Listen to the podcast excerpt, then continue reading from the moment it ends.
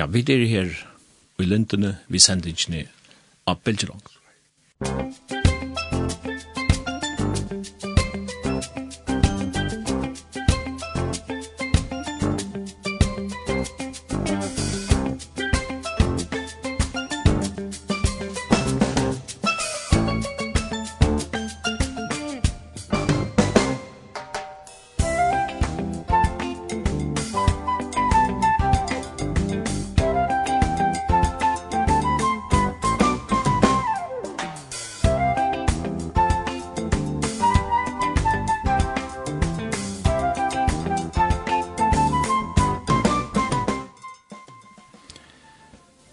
morgen så har vi hoa letja fyrir vi a lesa av skriftsteg ur Matteus 16.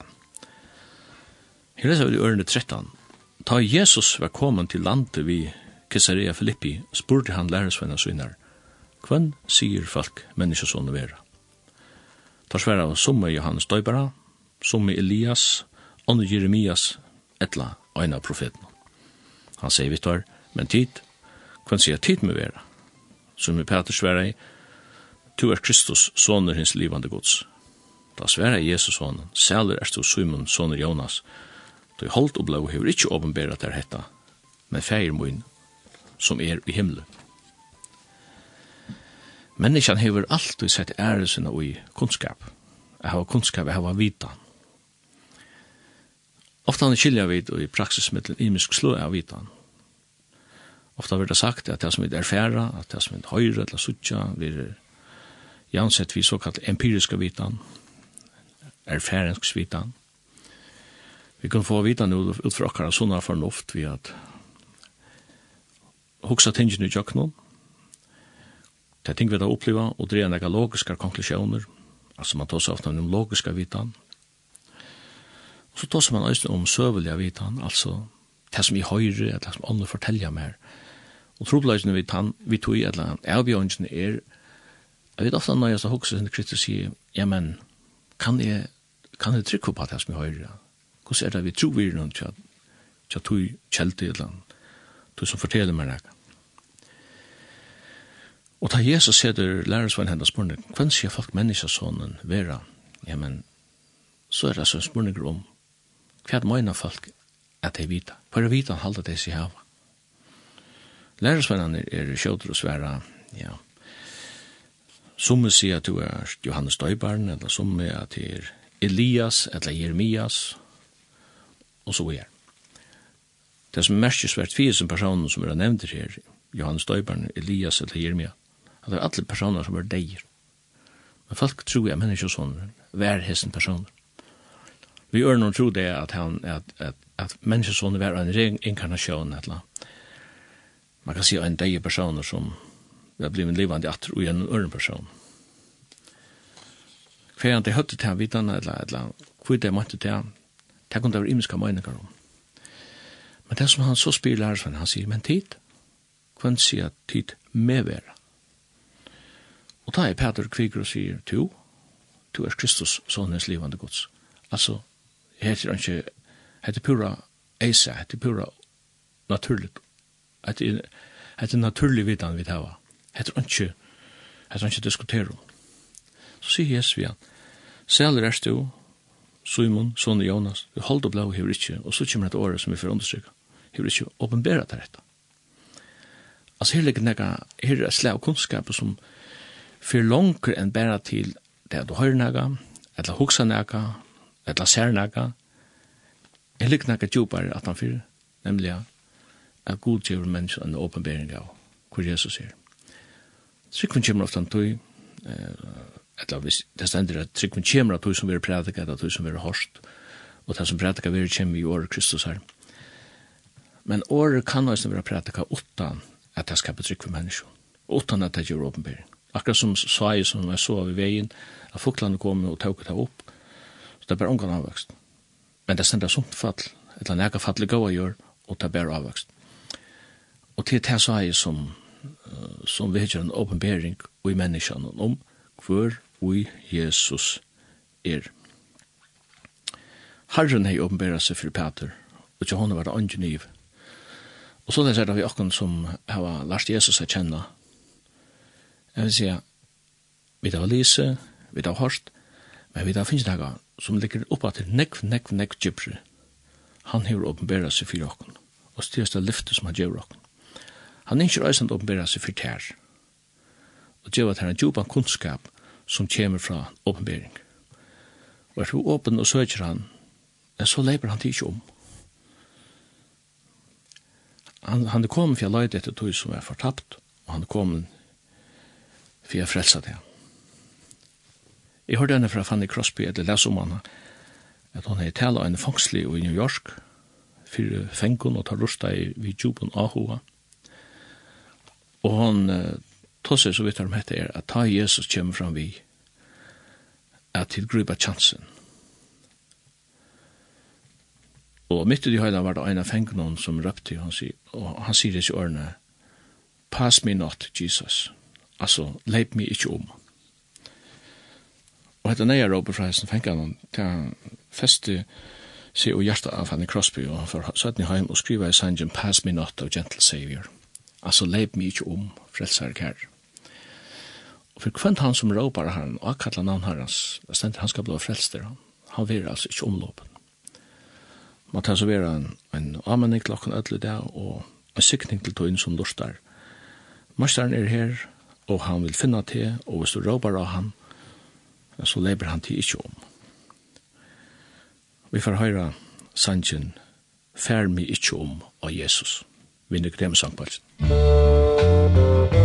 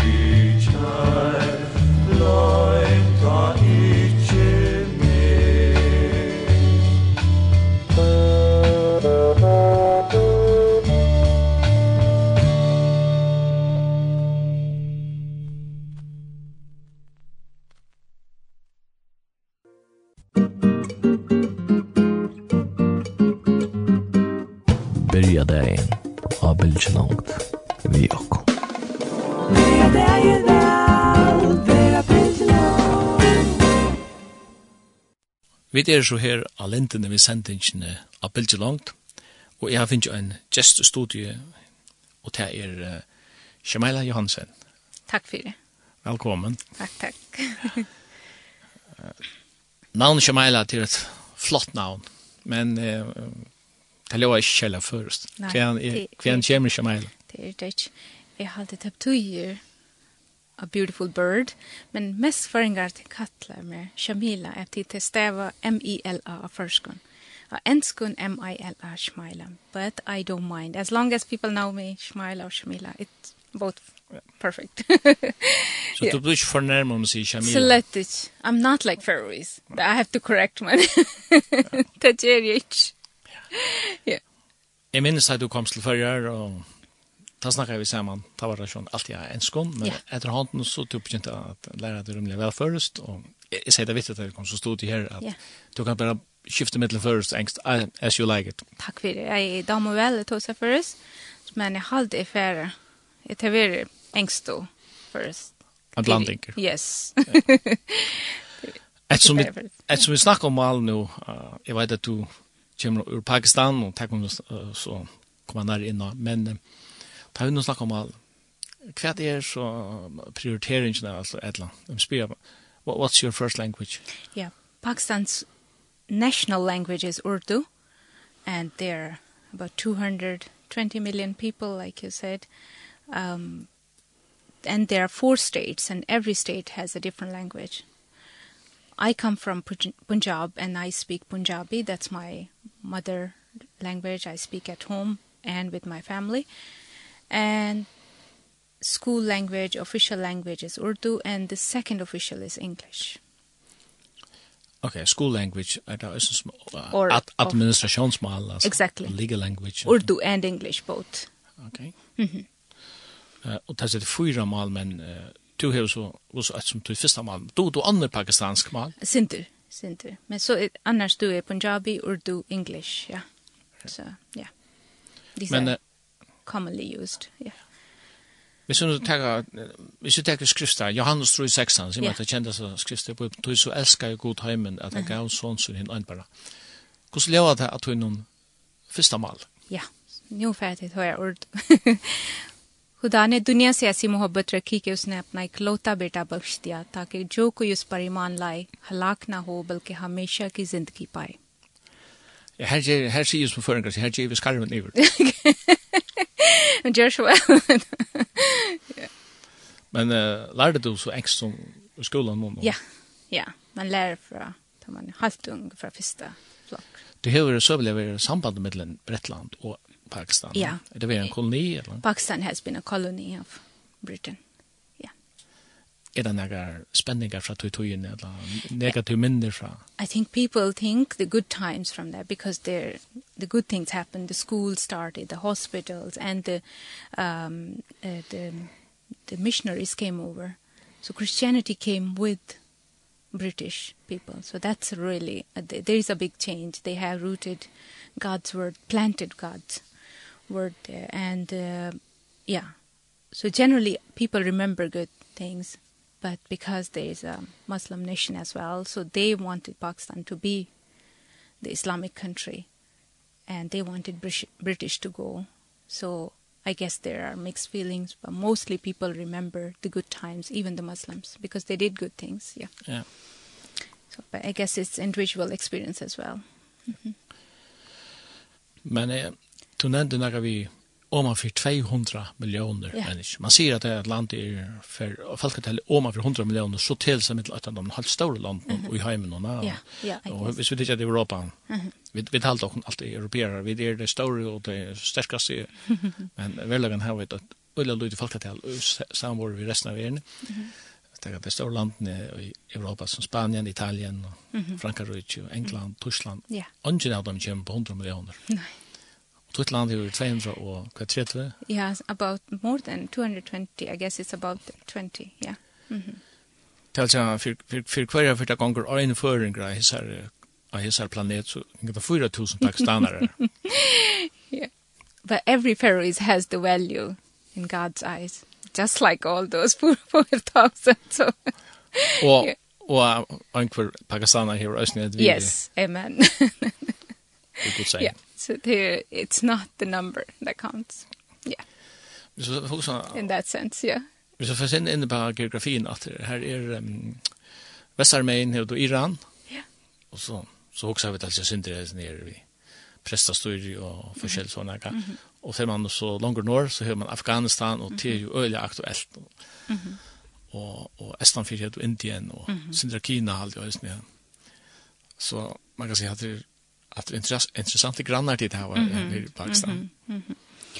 Hur ser den politiska stöden i period i islamskt land? Ja, yeah, ja. Yeah. I think with China it's a more business related relationship uh as the technology is growing and people go over to study as well of medicine and uh, those who can afford and so there is a a lot of uh business development in Pakistan from China people come over and uh, start projects and so that's the friendship with them the, on the political level. India because it was part of pakistan india pakistan were together. So there is a now and then tension between because it's it's a india is a mostly hindu and pakistan is a, so i maybe it's religious tension or um, but otherwise i think over the uh, years people are more towards building friendly relationship and people can go over easily um the social media and the, the I would say showbiz and sports and other things are bringing people together. So it's less towards the tension I would say. But there is a danger now and then of attacks or wars but it's not really high to high extent. Yeah, yeah. Men islam det er, det så jag man snackar om, om sunni muslimer och shia muslimer man snackar om om om uh, sharia law man snackar om taliban och såna där. Ja. Kan vi synda förvirrande för jag som inte vet så eller det. Går inte. Kvar är Pakistan och förhållande Afghanistan. Uh, ja, Pakistan has a mostly sunni Muslims. And then there are there um because you mean the the less, those who are in less and I have forgotten English as well. Mixing everything. Yeah. Moderator. Yeah or they are um, not in big number the other uh, smaller communities uh, with the other Islamic faith as well. But the main is Sunni. Um with Afghanistan we always get refugees over to Pakistan every time where there has been unrest. And now I have heard as well, and I saw in the news as well, there are refugees. Uh, Pakistan is opening borders to them. They don't get the luxury life when they come to Pakistan, but they are able to work, they're able to have small jobs, and their life is safe. So they are in safety zone, and they have food to eat and uh, clothes to and the good people around them um so that's good. That's really we grew up actually seeing the refugees over to Pakistan now and then living among us whenever there was unrest. So Da man också om at et muslimskt land så tar man bare in om hvordan vi tror en fralse, altså kan det ha falt ha til å trykke av hva det vilja, hva sier grunnløven, altså, hva Mhm. Vi religious freedom. Yeah, as minorities Christians have the uh, political freedom, the right to live as Pakistani citizens. They they have the rights as a Christian minority as citizens, but those um, rights are not applied or permitted always. So as a Christian, we, I would say, yes, there is freedom, but you never know what can happen because there are, there are extremists as well towards north north side of Pakistan and also all over. So there is um, there are Christian brothers uh, Christian brothers and sisters those who are suffering and struggling because of their faith. So there is persecution uh which is we, we don't see it to the with our you know we don't hear it always but there is and for Christians it's not 100% safe to be there But again, then there are Pakistanis, there, there are so many Pakistanis, there are good people, good hospitality, and there, um, there is freedom to spread the gospel. But there is a cost. You never know. Yeah. Ja, har hört om godstanna som är över i Pakistan. Alltså folk samlas som godsår, mm -hmm. och så knappt lika komma bandar in, eller kanske ikke politiet, men det er sånn som... som yeah.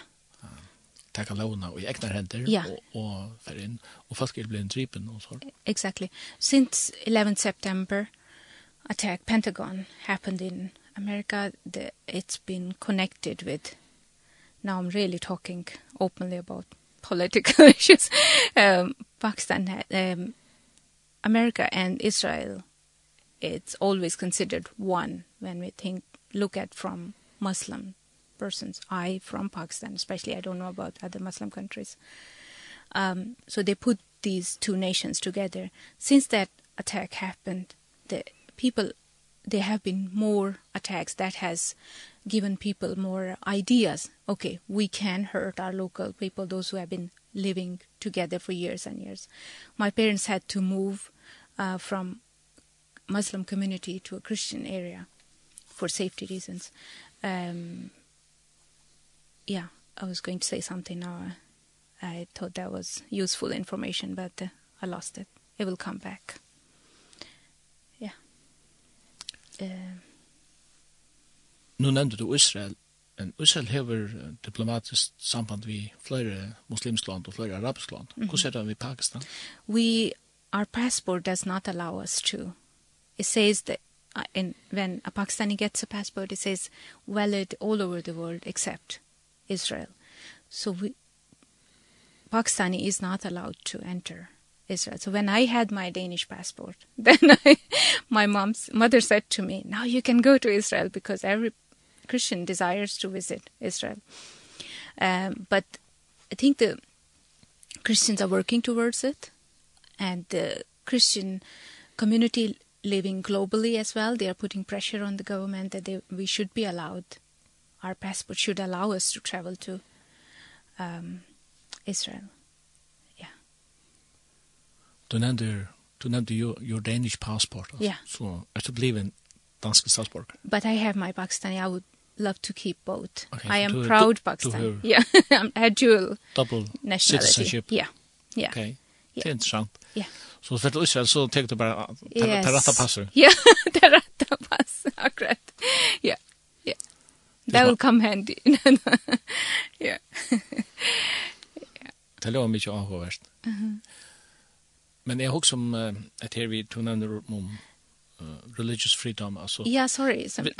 Visst vi nå också kom til uh, gospel outreach uh -huh. okkur också tannstol. altså, yeah. uh, hvis man stiller seg ut av gödna og, og deilig kristna litteratur och det hvordan det have remote teacher Yeah, this is what I was going to say earlier but I forgot that since the 11th September attack happened the government has um uh, they are ask they are telling the churches and they're providing the safety especially if there is an open air meeting and the churches every Sunday there is there are at least two um police officers standing outside every church where, um, holding weapons so if there is something happened because government has said that okay we um if you don't res accept the the safety measure then we are not responsible. So if there are meetings being held now these days so there is always safety if it's army or the police yeah. Tears must say own risk yeah and you have to inform the authorities so you so church can um get the safety measures. But it's not again that's not 100% but government tries but like you said earlier mentioned that the local people uh the safety um rights are for every christian as a minority but we don't get the safety because the local people can attack any time they want. Yeah. Shamila Tai við føringar høyra or Pakistan så också på en av en muslimst och så är det också okej okay, har det araber såna men det er det inte. Nej, det är det inte. Jag vet inte hur det är man googla and figure out my people where we come from but we are definitely um part of the Indian generations they we separated from them and partly Mongolian so there are a couple of tribes I think. They're mixed. I have to figure out where I come from. Men det er inte at hvis man ta i runt ur Reykjavik och inte så Island där så ja men det är så här som förringar och og pakistaner og indare Tar du Lucha Snake? Nej, Lucha Snake. Yeah, also hooks Yeah, exactly. yeah. Physist. Yeah. And then when you see the north side of Pakistan, they look so familiar with the uh, Scandinavian. The white skin, blue eyes, but they are from the uh, Mongolian tribes as well. So this really like I am maybe the darkest in my family. So Abbe min var ördla, he was he had really light skin, blue eyes, so some of my, we we är fem sister. So one sister. She's really, she has a light skin.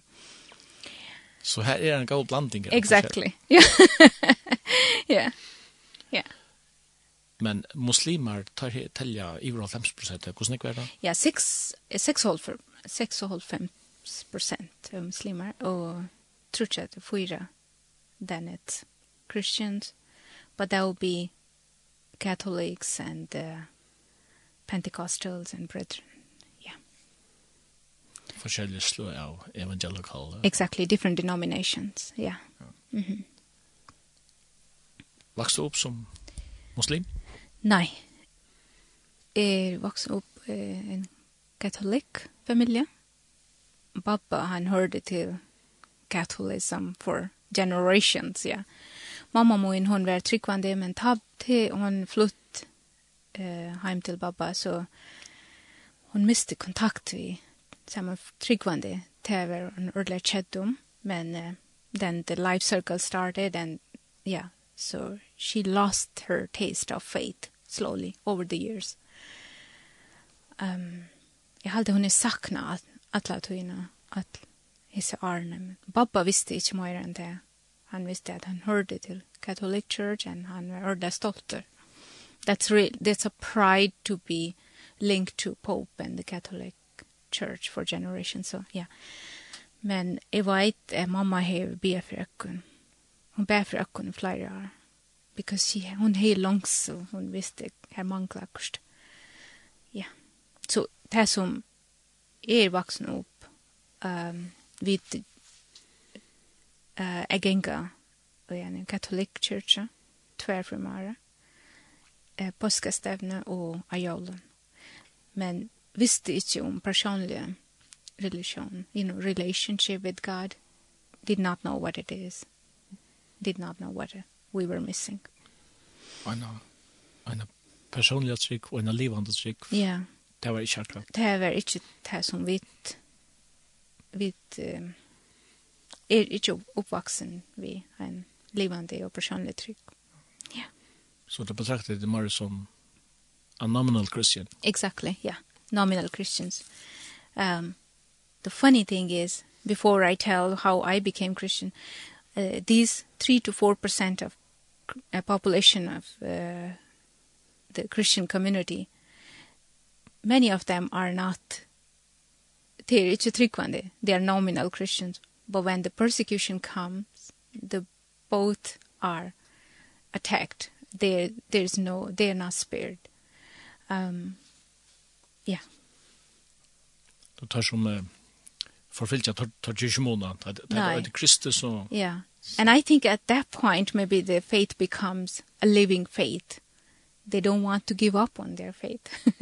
maybe they are not living the faith every day, but when it's when somebody tries to take away from them, they can die but they they refuse to accept Islam or or refuse Christianity or Christ, yeah. Men nu nevnte du mamma din namn. Mm -hmm. uh, som sitter Arvis bakgrund ja. än pappa din. Mm -hmm. Hon blev tryggvande ta hon var i jag hade hon var high school, ja. Mm -hmm. Så hon visste att här manglar I have to give to my children something more than what they know, ja. Yeah. Du nevner tidigare fem syskjen. Ja. Hva nummer er du? Er eldst. Det var nummer ett. Ja. Hvis vi spyrir sin nærri inna. Your way to Jesus. Mhm. Ja. Hva, hva hendte? Ja. Eh, Siste moin, hon er yngre enn jeg, hon, hon var sjuk i flere år. Knapple ble sjuk ta han var i satta. Eh, nei, jeg halte femte, hon er vært nok sjuk flere år, knapple. Og jeg halte det var ordelig tørr først. Ja, familien. Och hon var ofta heima, klarar inte att gå i skola. og det, I think that was a hard time for parents to see them struggling to see the child who could not go to school. Og ginga til laknar, at låta privat and everywhere. They did what they could do. Og så ein der där, en eldst elder of the local church. Mm. Yeah, there was a Pentecostal church uh, in the community, akkurat som folk kjenner hverandre her. Han kom hjem til Akkon og, og sier pappa at um, eh, vi vet at døtte tikkere er sjuk, kunne vi komme sett nu kvalt og bia for henne. Um, så pappa var glad og sa, ja, så kom uh, the couple of leaders, elders of the church, og til be bo for henne, og hon ble grøtt the same evening. Hon var bliven lammar one side and her, her health was deteriorating for years. Men hon blev gröt. Um, ja, självande pappa og mamma, de var ordentligt glad. And uh, we saw, we upplevde att mamma blev eisne. Her faith was restored. She ignited again, I would say. Ja, yeah. hon var ordentligt glad. At pappa kunde uppleva det um, jag söker god nära men arn till tar for sted, så sett ein så säger ein at uh, God is not only interested in your physical healing. He is concerned about your soul your spirit where you're going. Så han sier, eh, vi meld kun som föräldrar at de må kontakta lo lokal samkomma och be genga komma och känna Gud och or Gud. Ja. Men uh, ja, te pappa var glad över att uh, syster dotter hon var syster akkurat dotter var gröd men han han damte inte att uh, färra fra katolik you know the the heritage that was very close to him so yeah og ett år, det var ordentlig. Det ble hardt. Jeg hadde vit mamma, jeg tenkte skika, skiva, hun, hun arbeid som jarmover, så hun hei ofta sundag, sundag fri, men hun uh, sier pappa er, er arbeid nu sundag. så hun tjekk i samkommet, utan at han visst. Og så vit forreisende, vit, tror jeg, for jeg synes det, vi, the, those who were the older ones. Mm um, for him that was hard he could see og ofta han dømte ikkje vid vid uh, bia, bia og lesa or good han han var glad with the nominal christianity men ikkje livande trygg. Han kjente ikkje so that was like a threat to that we are changing. Um so vi er jo sister tan sister som blev grødd vid um, uh, vid we got baptized secretly. My dad did not know in a big river. Pakistan is big. Um, men, yeah. And I think the, the faith grew more and more the more we felt like, okay, he's against it, but God was working. Um, men, det var harstaisne. Han dömte inte och han var inte glad vid mamma och vi jackon. Och, så det var nog så, tar först. Men det um, uppmuntrar ökuna, blir vi att be för God knows his heart. God is going to change him.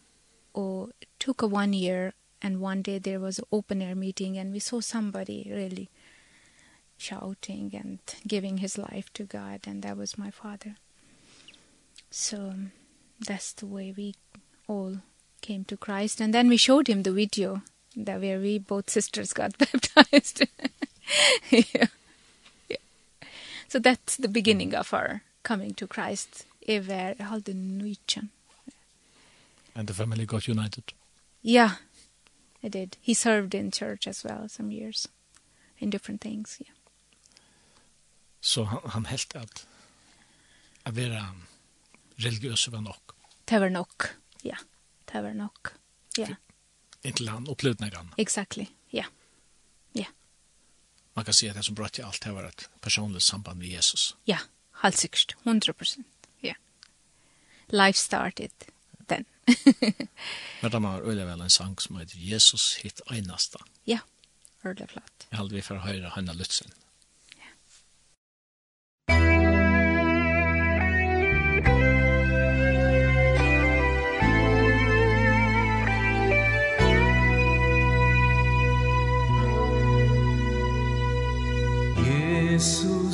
hit einasta heilasta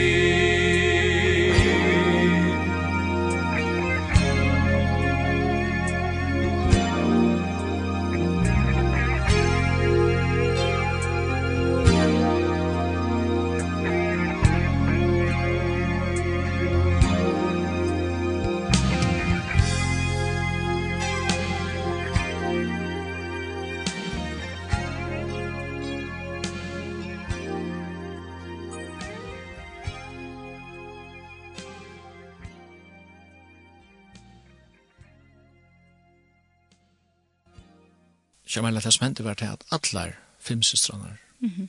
og foreldrene mm -hmm. blive eit utrunn. Ja. Did you share of it? Ja, we do. Uh, we did. All of us, I think. To have ever bare nøyt, bare ever nøyt, da jeg ble frelst, ja. Um, og ta jeg for, jeg flutt heimen fra, og for, went to another city, LSR, Sugar System. Jeg var her fyra år, og I think I dedicated my life. It was just really burning desire to serve Christ wherever we were. And I was just getting to know him and then I had to move. So from away from the church, the the community where we could grow. Um but that did not stop helped me and uh, I started to gather some girls and uh, and we started to meet once a week Thursday and I think during those 4 years maybe 12 girls I led them to Christ and uh, um yeah. Uh, and yeah Tever Urla it was really very important time of my life as a Christian those 4 years because suddenly becoming a Christian and leaving getting to know the savior personally and leaving the community on my own. But I believe God was there and I decided that I'm going to honor him and uh, I'm going to live for him. And yes I did by his grace and his strength yeah. So left with the testimony that, yeah there was a one Christian girl yeah. Live for Christ. learning by doing. Yeah. I would say. And also whenever I came home, there was a good connection with the church. They were live on the trick, you know. There was a love and uh, growing and hungry and thirsty after God, yeah. Hei du uh, sterkan andal en fellesskap i nekk ånden sikvante? Ja, det gjør du it, ja. ja. Faith is very strong where there is persecution. yeah, it becomes very personal, yeah. Yeah. Og du lærte til sjukrasøstre? Ja. Og du er så en sjukrasøstre før jo? Ja, det er jeg. Ja. Og, som man sier, fysiologien og anatomien og alt det her, det er nok det samme alle stedene. Så. Ja, exactly. That's it. We are human, we are made by one God, we are the same. ja. ja. Men altså, nu är vi vi er framvis i Pakistan sen og nu är du okay. nu er du i Färjön så det har det har. Du kom til England. Ja. nei, eh hugna arbeid, i nei, ta Everleo i ta Everleo skola för år så kom heim, arbete et år. Ehm og hugna arbeid vi OM i Pakistan. Eh og jeg hjälpte samkomma of, uh, with the translation for foreigners when they were coming uh, the so her möttes du and I was his uh, I was translating for him. Yeah so yeah we met and uh, got to know each other he got to know my family also. Then he came back and I think we God had a plan. So he came back and he um proposed. And we stayed in touch while he was in Pakistan in Faroe Islands. We were engaged for a year and got married, moved to Faroe Islands. It was very romantic, but I'm just going now. Fast forward so we can talk about other things. yeah. Um came to Faroes, lived here I think 2 years and moved to England, worked with OM in Birmingham for about eight years, I think. And I worked as a nurse part-time and helped as well with in hospitality. And uh, we had our oldest daughter in the Faroe Islands, Joy, hon född i förrän. Och Dunja i England. So she is half British, I can say. no, no, no, she's Pakistani Faroese. Yeah, we moved back to Faroe Islands 2010. April. Det blev gift i Pakistan, hvis jeg minns rett. Ja. Men jeg er just i referien bryllup? Ja, jeg var nødt folk i referien, ja. Er det Pakistans bryllup? Ja, it was a, yeah, it was a Pakistani. But there were some missionaries living in big city Lahore um, from Sweden. And I remember a couple of other foreigners came as well, so that was nice for Faroese to see some other foreigners as well there. Yeah. Jeg halde vi fra lortet fra Sanche, at rett. Vi fra høyre Sanche, det finnes en vel. Ja, deilig. I MCRS. Ja. Det finnes en som brennur djupt ui mer. Hon veiter meie mitt ui sorg og sur. Ein bjarstan durtar glotta Truar eia sær Som rekur ivan ut Ui Kristus er mein sinder bøtt Han kjemur atur Kjemur kjøtt djupe langsel og mun hjertans dra er tær at vera tjar Der finst ein Wort som lukar bira bröst Ein tröst er tær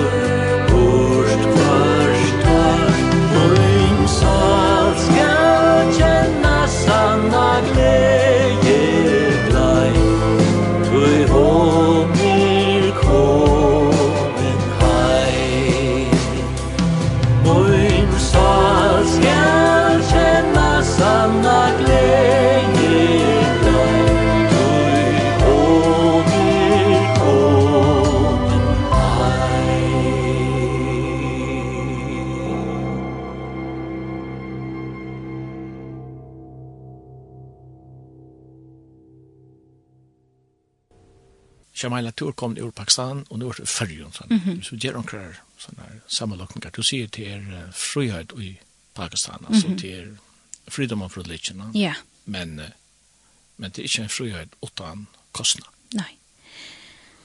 I would say the Christians, they have the rights, just like every other Pakistani, as a citizens to practice their uh, religion and also to have jobs, but there are always there's a quota in jobs the pakistani don't get all the desired jobs as always. But again there is a freedom compared to some other countries. I'll say if there is a bomb explosion from extremists that can also be danger not just for christians but it doesn't spare the community. So there sunni uh, muslims they are also in as much danger as um, the christians. So the group of extremists, those who are danger for, dangerous for people, they can be for anybody there. So I would say there is freedom. That's a very, very positive and good thing. And wonderful people in Pakistan. It's a land of ministry where you can sow a lot of seed and uh, it needs God and needs a lot of change and God really God needs they need God in different areas um but there is a cost. Yeah. That's så sunni muslimar kunni eisne vera at a target. They are also, they can be peaceful towards Christians. Uh, there is always, uh, I would say, we, for example, in schools and workplaces, people are often asked, you are, as a Christian, you're a very good person, why don't you convert to Islam? That's when you have to, that's when you're challenged. So, it's not easy always to be a Christian school, uh, school and colleges and workplaces. But then I would say there is a freedom as well, but there is a cost connected. So you have to know where you belong. You need to, you have to be steadfast in your faith. Yeah. To show the love and kindness and um, to sell what you, what you um, kept to trick where You know, why you are believing it.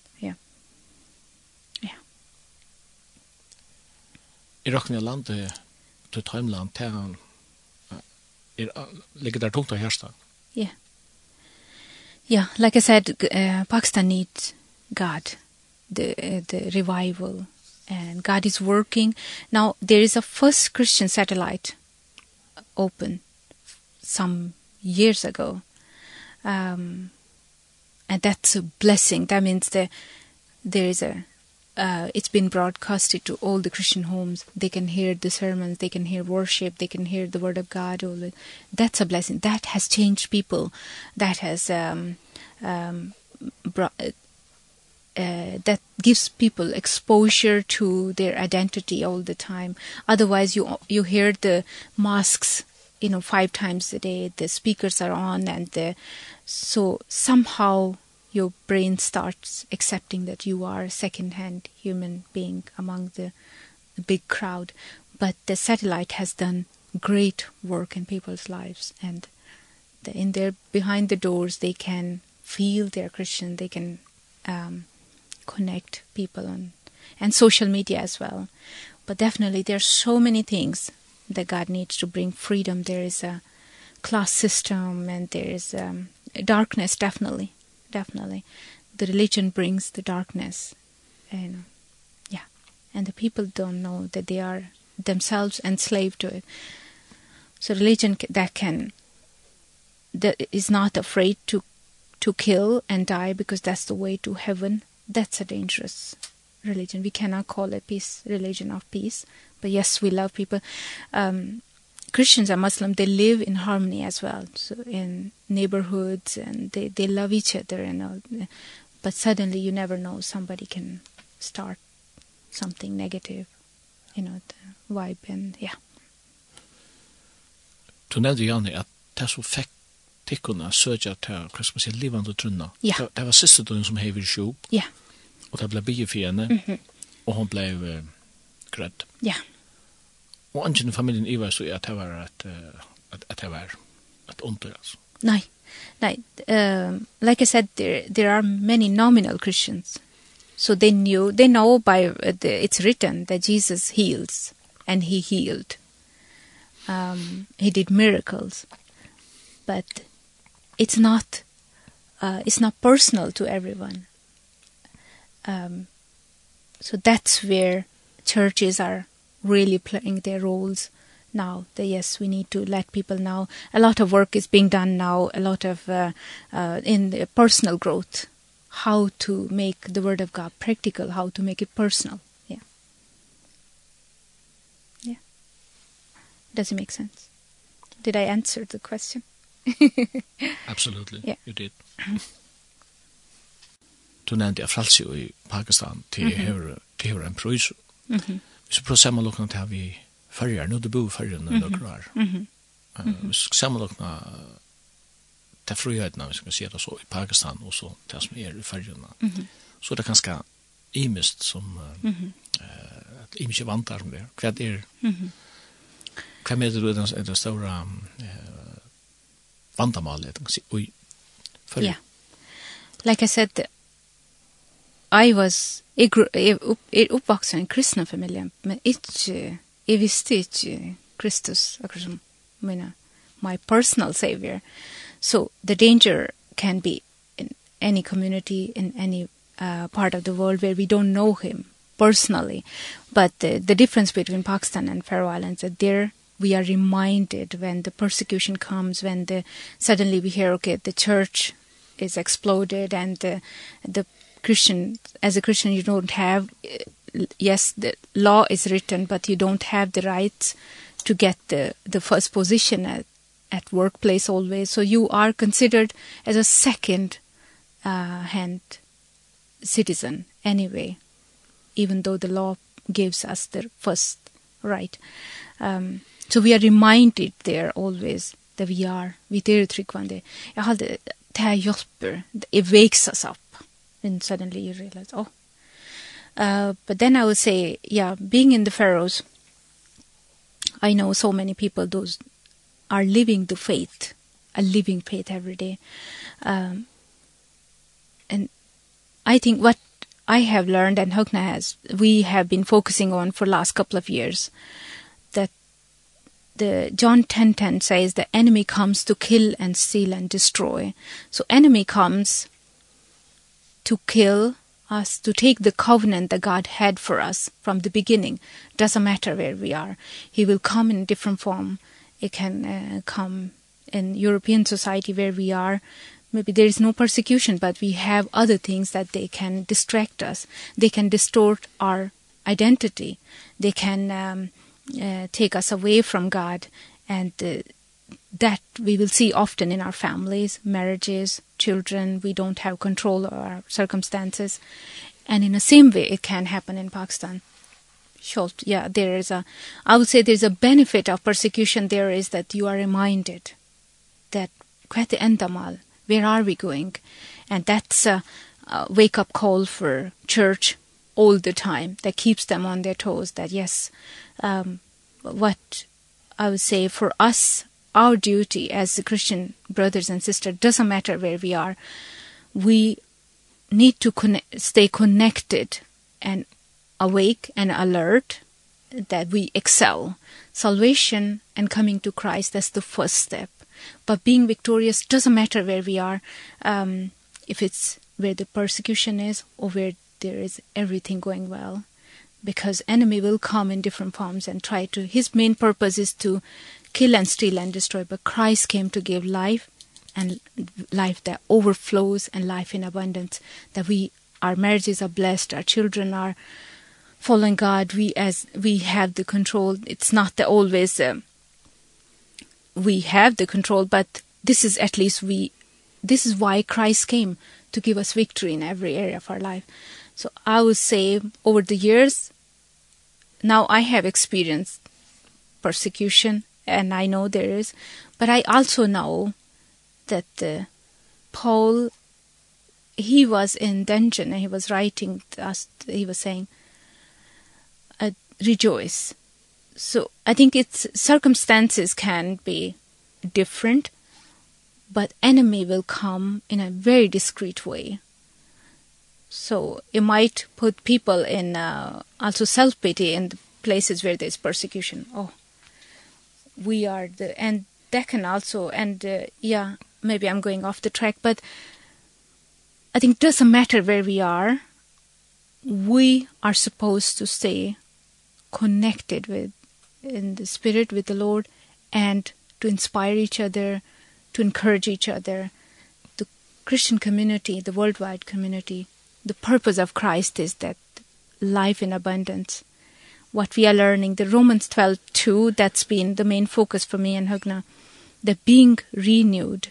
So it doesn't matter where we are, if we are in a European community or the uh, countries where we have everything and the enemy will come and make us sleep because everything is going well. We don't need to do everything. So we'll will come in a way to deceive us and uh, it can happen in Pakistan as well.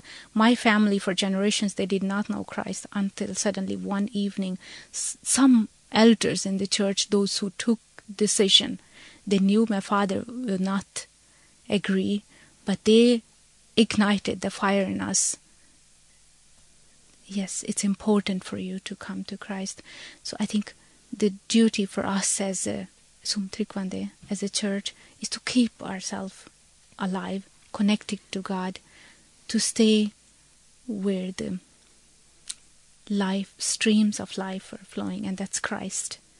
That we keep being salvation is just the first step but to excel in the Lord that's where we should all be. Doesn't matter if it's under the persecution or where um nothing is happening, no danger. We have everything. We materially we are overblessed.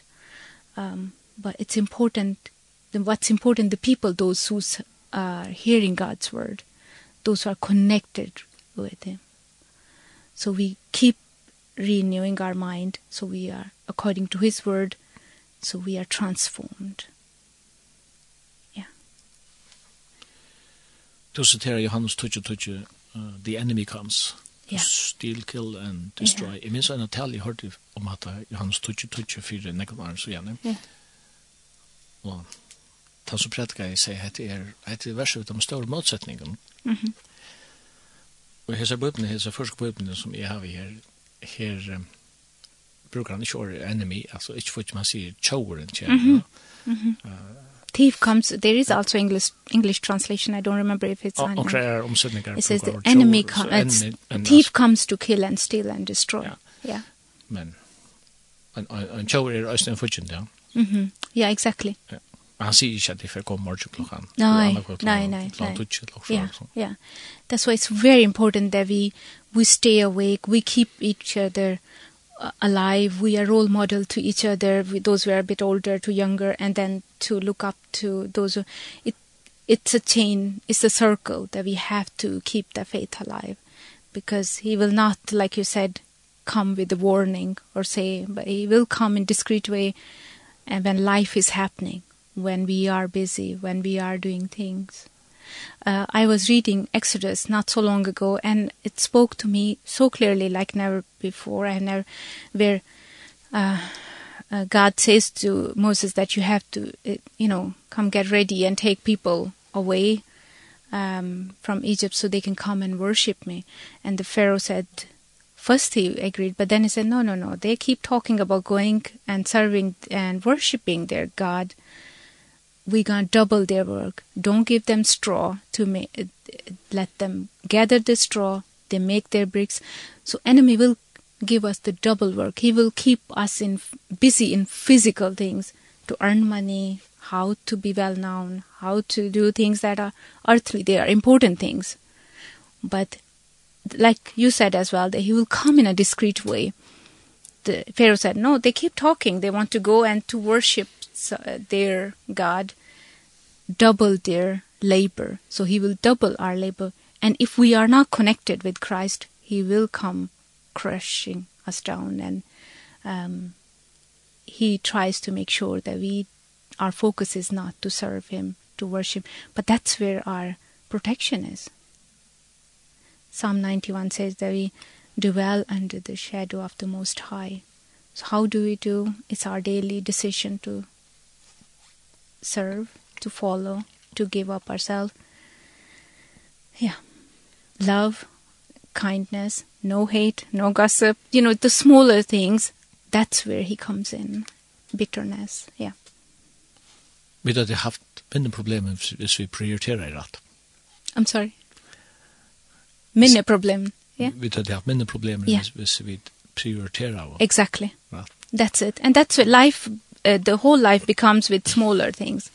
That's where we start forgiving start accepting forgiveness start forgiving ourselves accepting and seeing ourselves as god sees us. We often spend years and years just uh, killing ourselves and uh, and then we say talk about god's grace. So those are the things i think we need to get together som tryggvande and granska God's word. It's basic. It's it's it's a daily bread. Yeah. it's so simple. It's so simple. For me seeing Christ I see the the ministry or the church or the work for us all every day. I see Christ walking in dusty streets visiting people eating with people healing them and spending time with them. That's what we are supposed to be doing. That's where the life begins and Ja. Jesus tar sig i fjallatalen om om mm. den fysiska törren som folk har, hans mm -hmm. kläger och mat, och så säger han, nej men, Mm uh, Färgtyckare i himlen, han vet att det har bruk för Han mm -hmm. vet att det tar allt det. Mm -hmm.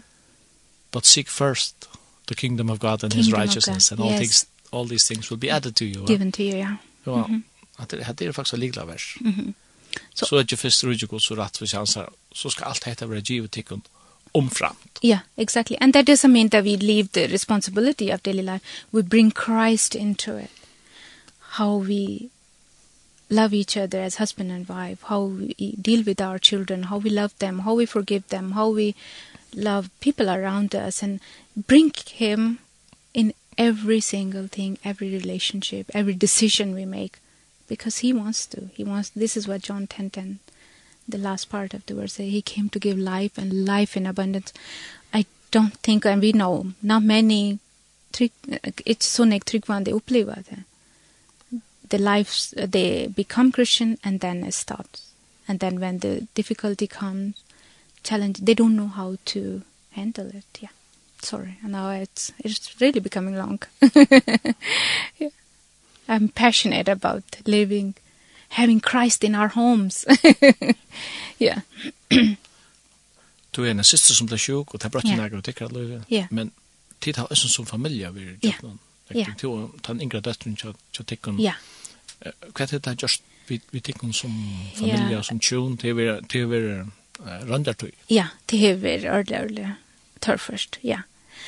There have been times when we have been asking God where he is, but uh, that's exactly when I stopped asking questions and start getting to know our savior our father. His purpose is to often we don't pray from the place of authority. We you know Ephesians talks about that he has given us uh, the the authority in the heavenly realms we we sit with him on this. So getting to know him getting to know our identity what was his purpose from the beginning? What was his covenant through Abraham Isaac and Jacob? And that's the God we have. So as i think it was really really hard and i believe so many people prayed for us and they kept us close to God. We it did not affect our marriage thank God and we it brought us closer as a family. And i there are it's always there is always a negative effect and you'll have to leave some your desires and dreams behind and it will affect us on certain level. But for last couple of years the way i have gotten to know the lord that i'm going to work from the place of authority as a wife and as a mom mother to my children authority that i have in christ. To apply his word and say okay lord this is what your word says and uh, dunya's uh, favorite verse is Jeremiah 29:11 and that I have been speaking over her for last Sunday. The life God has uh plans to prosper her. Yeah. To give her life. Yeah, now I don't remember uh, properly but uh, yeah. Yeah. I think as soon we that's why it's very important that we all uh, Christian or tryggvande you know, koma sama or, or come to know the Lord as he is. Otherwise enemy will come and we god doesn't want us to be um defeated and uh, beaten down. Yeah. That's not his plan. It doesn't say in his word. Yeah. Yeah. Jesus sier en sanne vi lærer sånn er livet og tid skulle leve. Amen. Yeah that's it. Yeah. That's yeah. all right. Yeah, yeah. Og sankrøyder, jeg skal leve vi rei godsen. Jeg halte vi får lort til tråden. Ja. Yeah.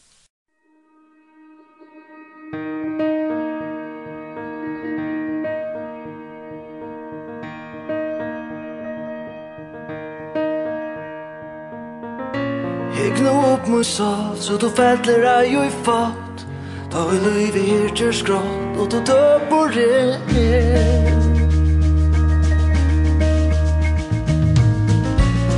forstått at du helt av vidja ned i ver Og du vei som det ber til en bedre heim. Jeg skal liva og jeg vil her der Her som tutsi tusen år er en løta Jeg skal liva og jeg vil her der Her gleder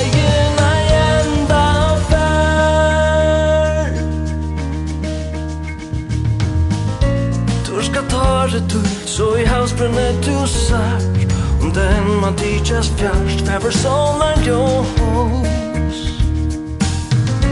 Rött var natten här Og i mörker roan sa Og at du så salen tra Fikk at halda av Jeg skal liva och jag blir tjatt här Som tusen år rötan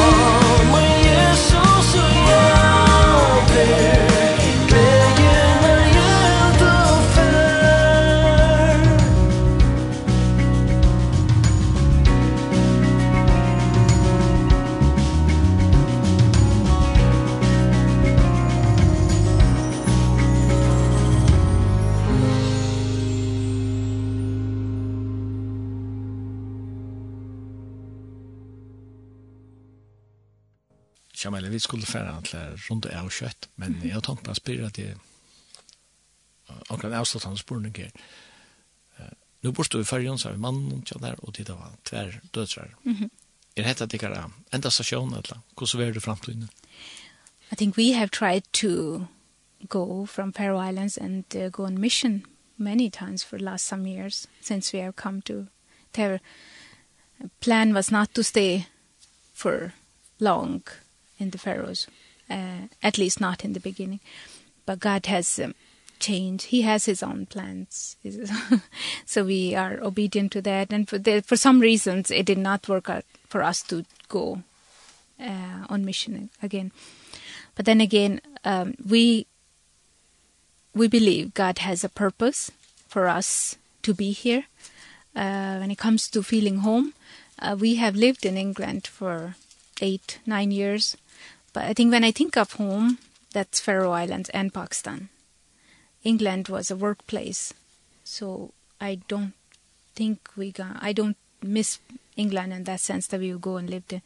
I feel home in the Faroes and I feel home Pakistan. So those two. And about future, uh, we don't know. We want to, what we have learned over the years, that to improve ourselves as parents and as a, as a, um, Christian brothers and sisters, for people those who are around us, and to live for every day and to be a blessing.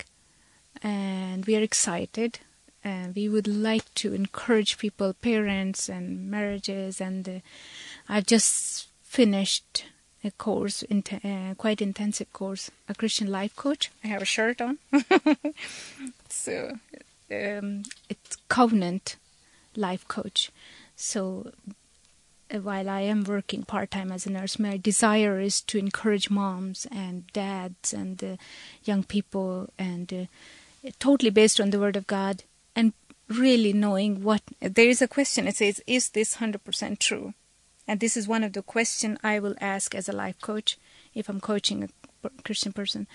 Um, is this 100% true that we have to live according to the ways we have been living for so many years? does it relate to the word of God? So my desire is to really coach young moms and ummar up it doesn't matter but I as a this course has given me tools and strategies that will bless Faroe Islands. And I'm excited. So yeah, so anybody who is listening need a life coach, contact me. I believe that you will have breakthrough. Det var ordentlig rått. Yeah, and I, I, like I said, Trikwande folk, you know, our faith-based Christian brothers and sisters, they can be coached, but I am also certified to coach those who don't have, uh, those who are not faith-based, uh, because his sun shines on those who know him and those who don't know. He's the God of every person on this earth. So his main purpose is to set people free to bring them closer to him and that's on my heart i'm very excited så sier vi et amen thank you amen yeah. Afur jeg skulle si jeg vet ofte at framtiden, hun ligger i herrens hånd. Ja, yeah, men that's brighter. That should not be the sad thing, or det ligger i.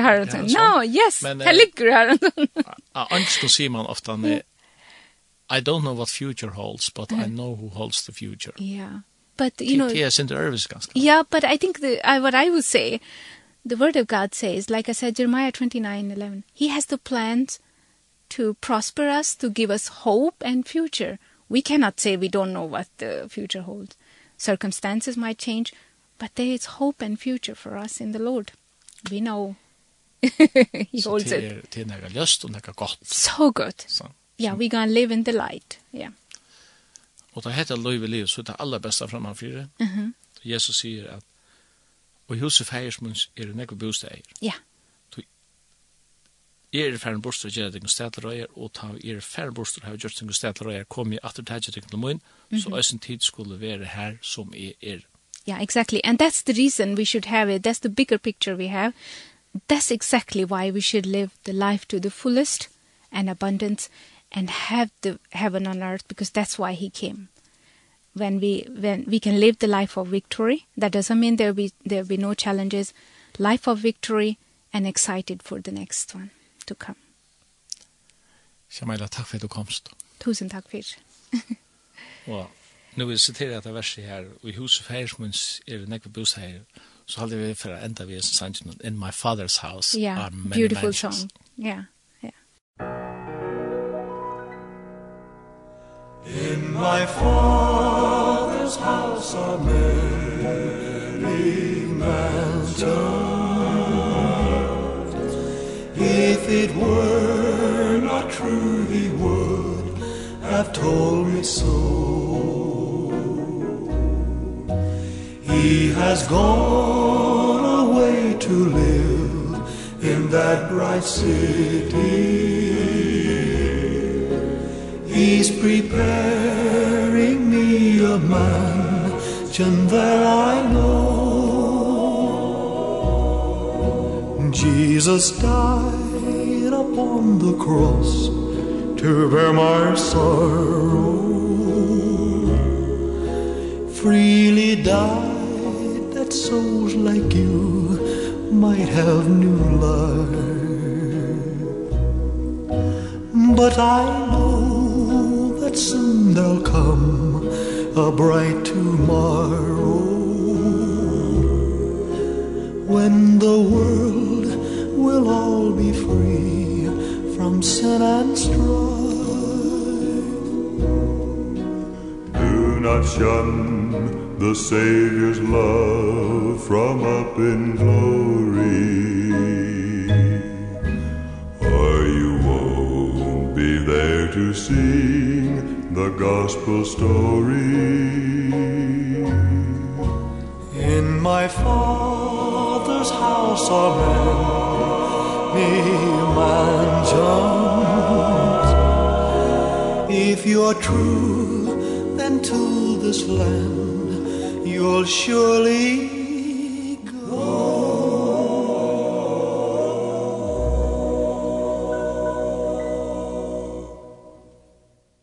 Vi er så kommet til endan av sendingene av Bilgelang. Verster var Simon Absalonsen, og gestur her var Shamaila Johannesen. Vi takkar fyrir i morgon.